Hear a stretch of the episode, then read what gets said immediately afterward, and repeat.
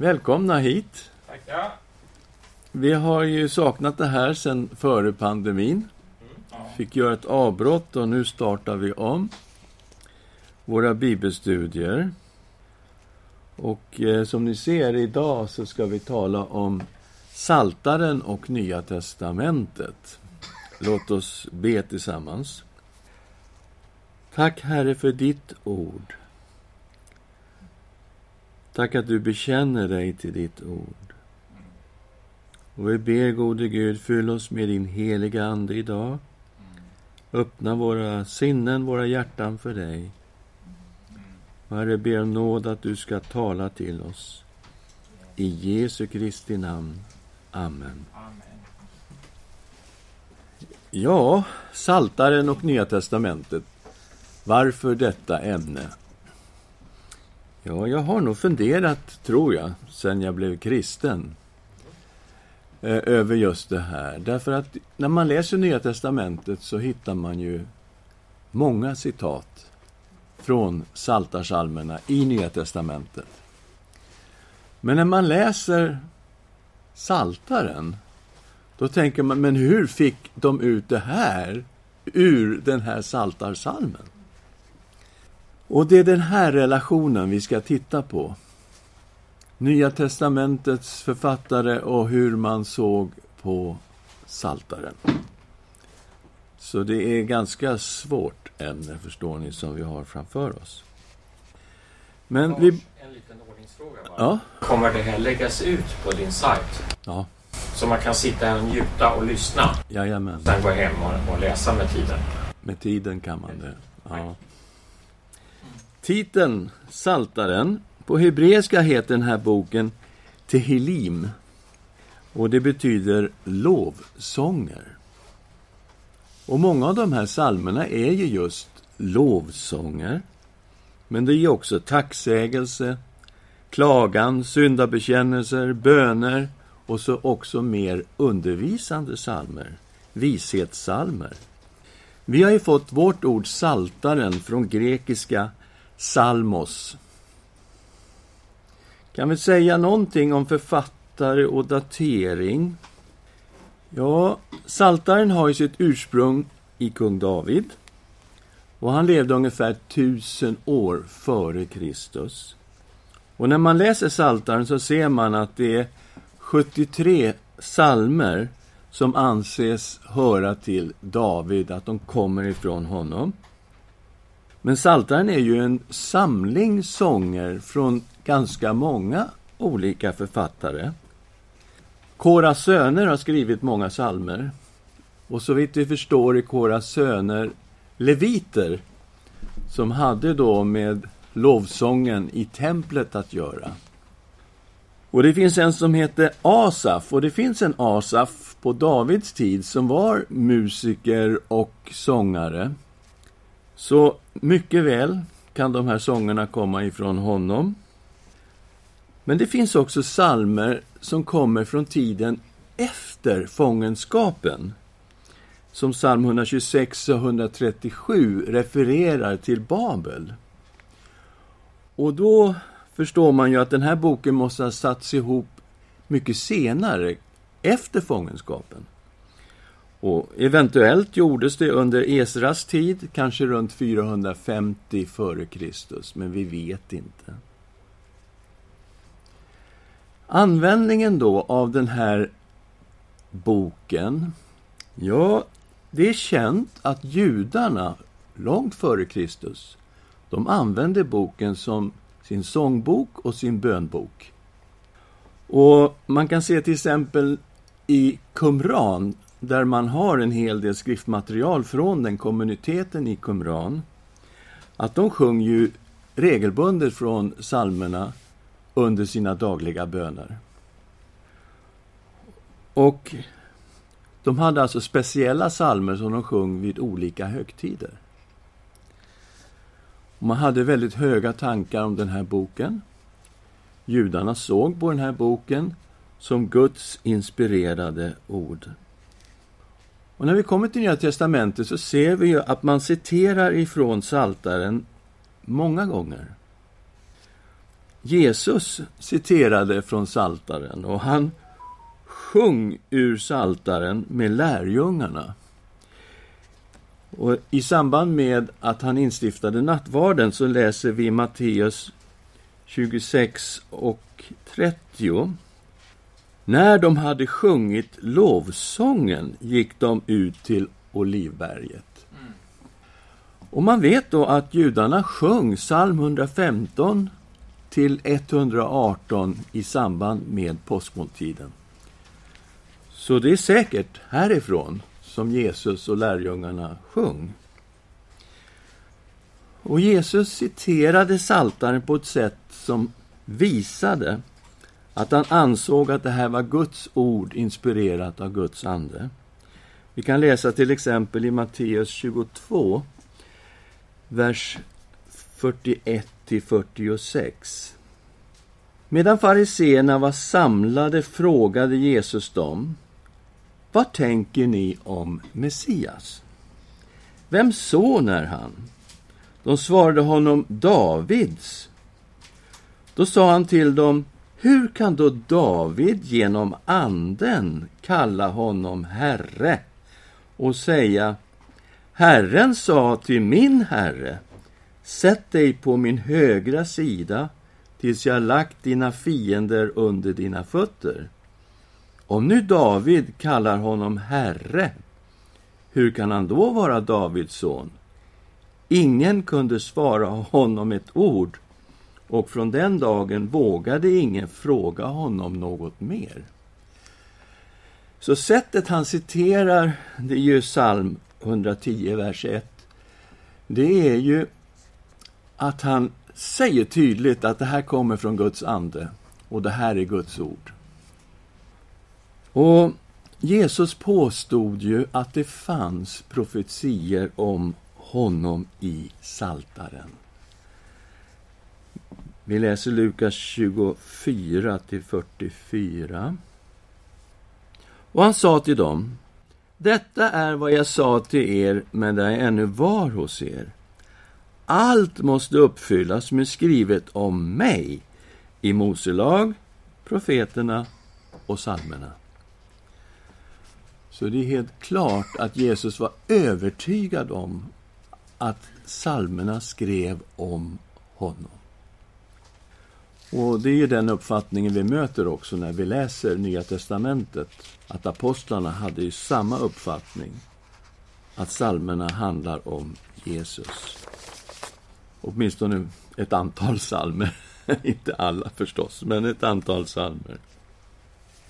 Vi möter i Nya testamentet ett uttryck som jag tror är en av nycklarna för att komma in i hur man använder saltaren. Och det är att Jesus är Herre. I det hebreiska Gamla testamentet så finns ju tetragrammet JHVH som då är det heliga gudsnamnet, som vi brukar uttala Jahve. Men det här namnet återfinns ungefär 6800 gånger i Gamla testamentet. Så det är liksom ett väldigt centralt namn på Gud. Och med tiden så slutade judarna att uttala det här namnet. Och istället varje gång man kom till tetragrammet så sa man Adonai, Herren. Och det är många av våra bibelöversättningar som har just det här, Herren, och ibland står det med stora bokstäver, Herren, och då vet man, här står det Jahve. Och ungefär 200 före Kristus så översätter man den hebreiska gamla testamentet till grekiska. Och det är den översättning som vi kallar för Septuaginta. Och den skrevs ju då med LXX, alltså det är romerska siffror, 70. Och den här översättningen gjordes i Alexandria. Och det påstås att det var 70 lärda judar som gjorde den här översättningen och de var i samstämmighet kring den. Och det är därför det här namnet finns, Septuaginta. Och Nya testamentet är ju då skrivet på grekiska. Och då är ju frågan, när man citerar GT i Nya Testamentet, kommer man att göra en nyöversättning från hebreiska varje gång man skriver? Det gör man inte. De flesta citaten från GT kommer direkt från Septuaginta. Man använder alltså den grekiska översättningen som fanns på den tiden. Och när man läste Bibeln ute i romarriket så läste man Bibeln i den kristna gudstjänsten från Septuaginta, på grekiska. Och här möter vi nu att Jesus är Herren, han är Kyrios, han är Herren. Så den här översättningen, överallt där vi har det heliga namnet, står det Kyrios i, i Septuaginta. Och nu ser vi kopplingen här. Jesus är Kyrios. Vi har det i Filipperbrevet 2, 9-11.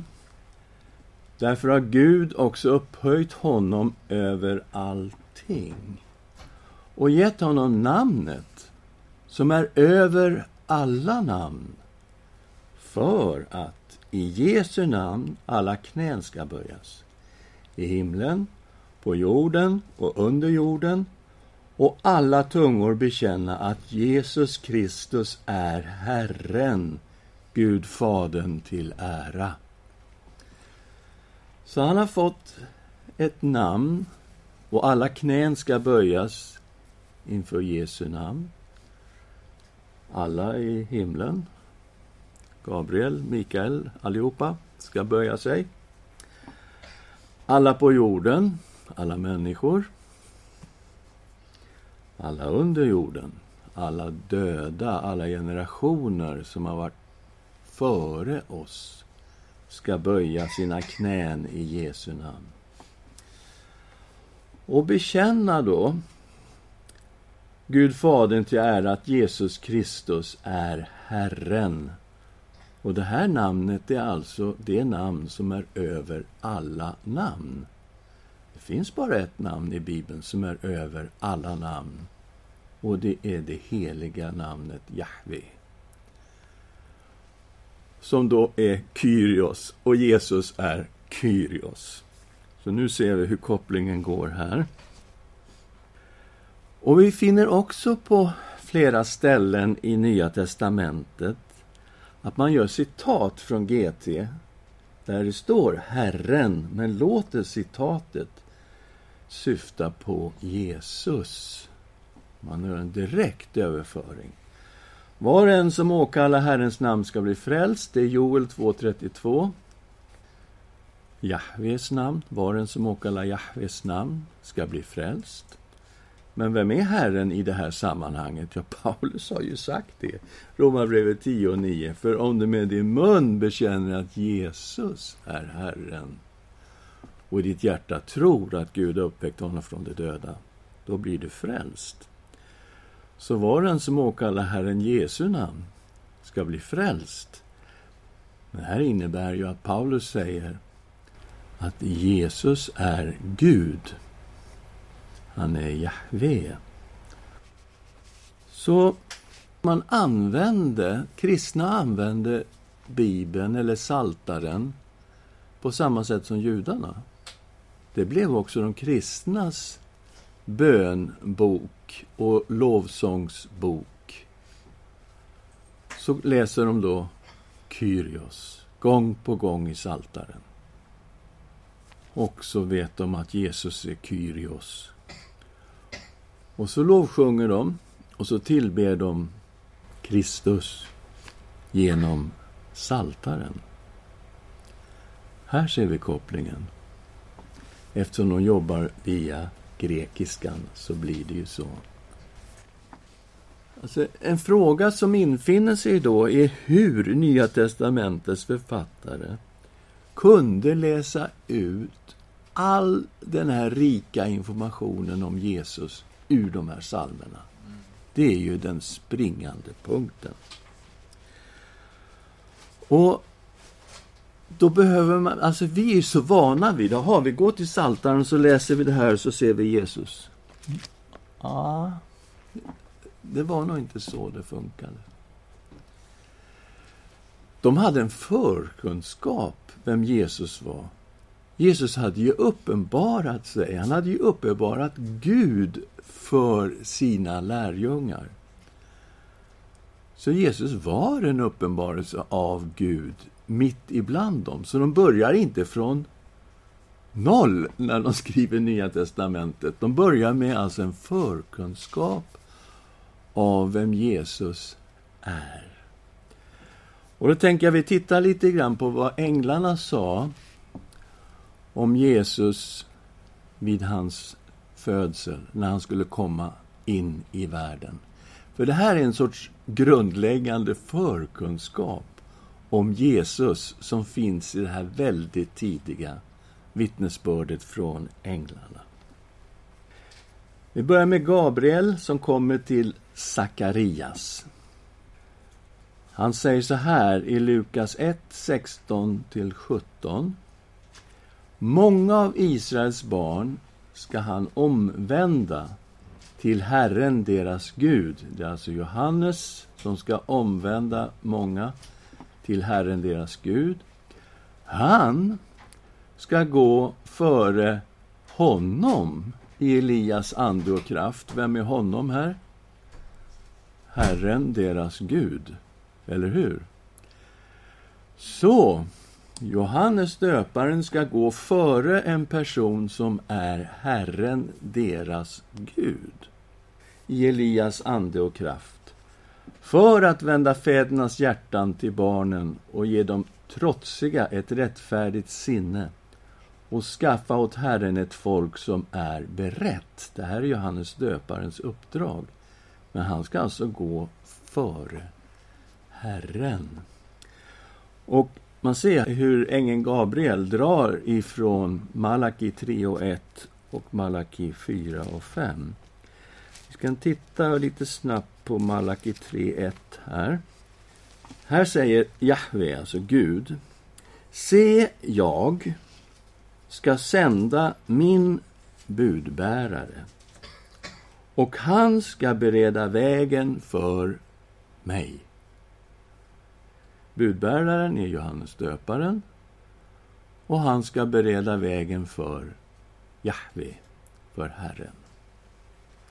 Och kapitel 4, 5 och 6 har vi detta med Elia, som vi läste om.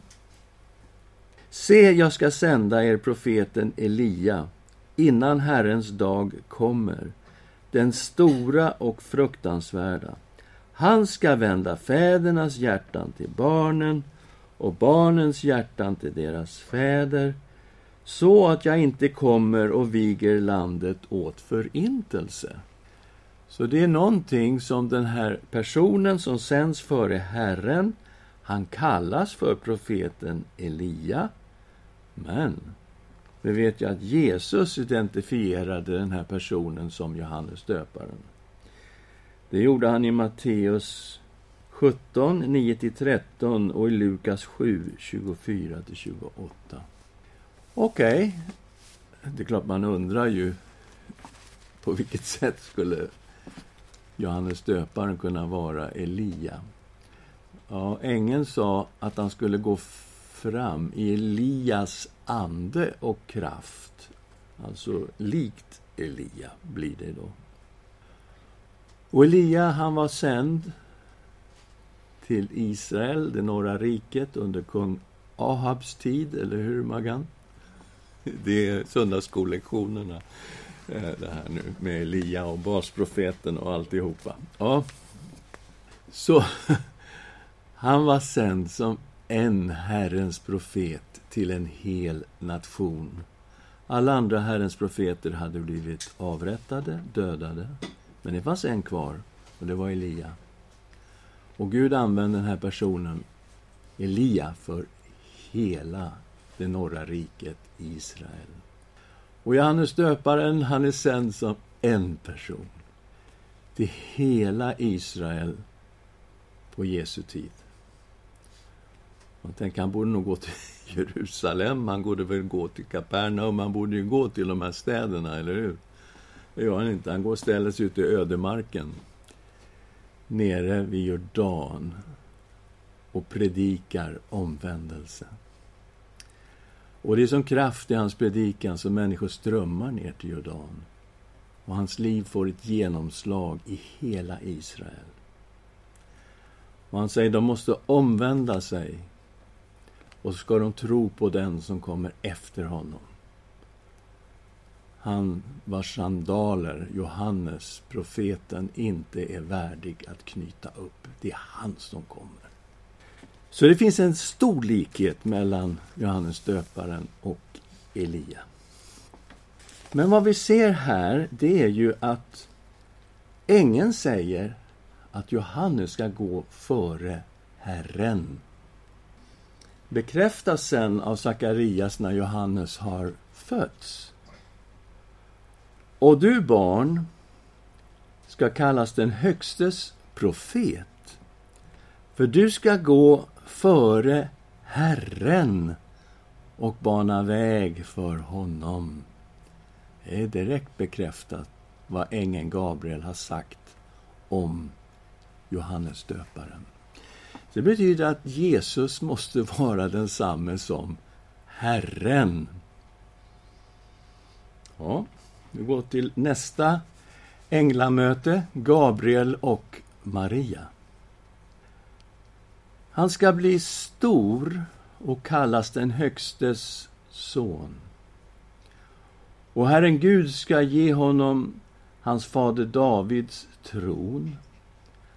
Han ska vara kung över Jakobs hus för evigt. Och hans rike ska aldrig ta slut. Okej, okay, ängeln sa också att han ska ge honom namnet Jesus. Jahve frälser. Här ligger hans uppdrag. Han är Jahve som frälser. Han ska kallas den högste son. Han kommer alltså vara Guds son. Och han ska sitta på en tron. Det är Davids tron. Han är alltså Guds son och han är Davids son. Okej. Okay. Han är en evig kung över ett evigt rike. Oj då. Nu kommer väldigt mycket om Jesus. Och han sa också, därför ska barnet som föds kallas heligt och Guds son. Ja, vi får reda på jättemycket om Jesus här. Och vi vet ju att det här är gammaltestamentlig profetia. Det är ju vad Natan sa till David. Jag ska vara hans fader, han ska, han ska vara min son, säger Gud genom Natan till David. Men det är också ifrån Jesaja 9. Han som får de här fantastiska namnen. Underbar i råd, väldig Gud, evig fader, fridsförste. Han ska sitta på Davids tron. Ja. Herradömet ska vara på hans skuldror, det här barnet som föds. Så är det. Men vi ser här nu fantastisk undervisning om Jesus som talar direkt mot vem han är. Han är Messias, han är Guds son, han är Davids son, han är kungen i Guds rike. Sen bekräftades ju det här när Jesus föddes i Lukas 2.11. Idag, säger ängeln till herdarna, idag har en frälsare fötts åt er i Davids stad. Han är Messias, Herren. Det är den han är. Det här är alltså Messias som har fötts. Han är också Herren. Och ängeln kom ju också till Josef när Josef hade beslutat sig för att skilja sig från Maria. Säger ängeln till Josef. Josef, Davids son. Var inte rädd för att ta till dig Maria som din hustru. För barnet i henne har blivit till genom den helige Ande. Hon ska föda en son och du ska ge honom namnet Jesus. För han ska frälsa sitt folk från deras synder. Okej. Namnet är Jahve frälser. Och han som är Jahve som frälser ska frälsa sitt folk från deras synder. Han kommer som en frälsare. Alltså, jag antar att den här förkunskapen som ängeln Gabriel, och det är kanske Gabriel hela vägen faktiskt, för att det står ju ängeln som kom till hedarna, ängeln som kom till Josef. Det kan vara Gabriel alla fyra gångerna. Att den här förkunskapen, det var någonting som fanns när man skrev Nya testamentet. Och Jesus talar utifrån den här förkunskapen som vi finner här i evangelierna. Och att när man kommer den vägen till Saltaren, ja, då förstår man hur de kunde se Jesus i de här salmerna. Och det är det vi kommer att upptäcka när man kommer härifrån med den här förkunskapen till Saltaren. Jag ska försöka göra en sorts slutsats här då av det här bakgrundsstudiet. När vi läser evangelierna och resten av Nya testamentet bekräftas änglarnas ord om Jesus.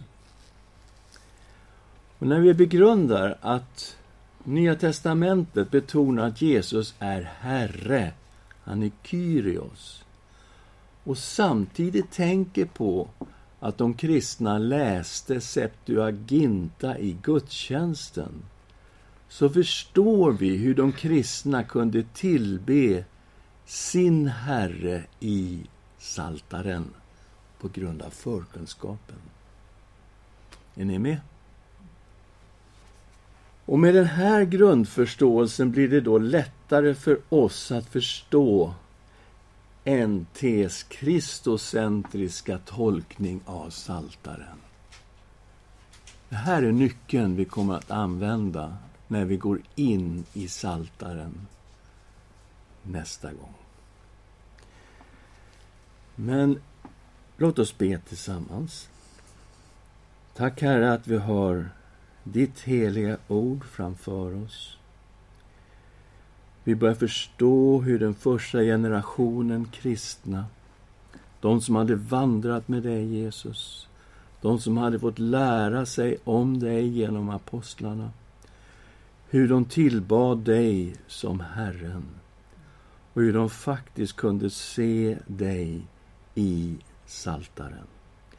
Och vi ber, Herre, att du ska fortsätta att tala till oss genom det här studiet. I Jesu Kristi namn. Amen.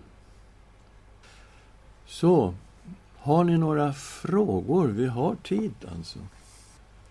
Ja, Selma? Och det här att Messias var Herren, var det något som var erkänt av judarna, att de fattade det? Att, att Messias var samma som Jahve, eller det någonting Det fanns olika uppfattningar i deras Messias förväntningar.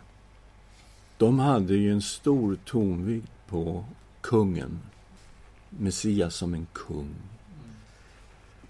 Och att han då skulle befria dem från romarna och sätta upp teokratin igen med Jerusalem som huvudstad och regera därifrån. Och de här förväntningarna, de möter vi i Nya testamentet också. Efter brödundret. När de börjar säga, men det här är ju profeten. Alltså han som Mose har sagt skulle komma. Va? Titta på det här brödundret. Det är som mannat i öknen. Nu är vi på rätt spår. Och de ville göra Jesus till kung. Och de tänkte, vad kan gå fel liksom? Vi är 5000 män här. Och vi har Messias som vår kung.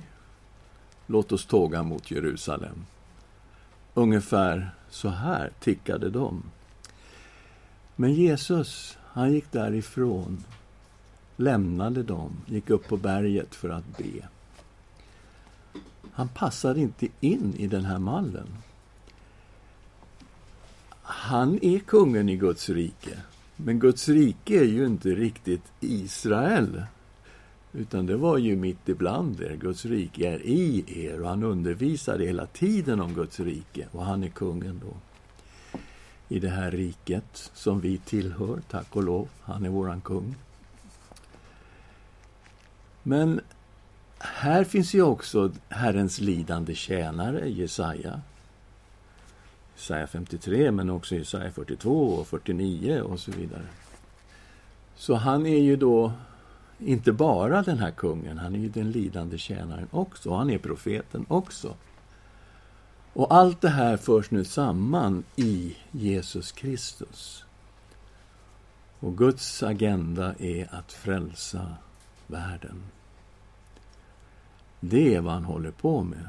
Gud vill att alla människor ska bli frälsta och komma till kunskap om sanningen. Det är hans vilja.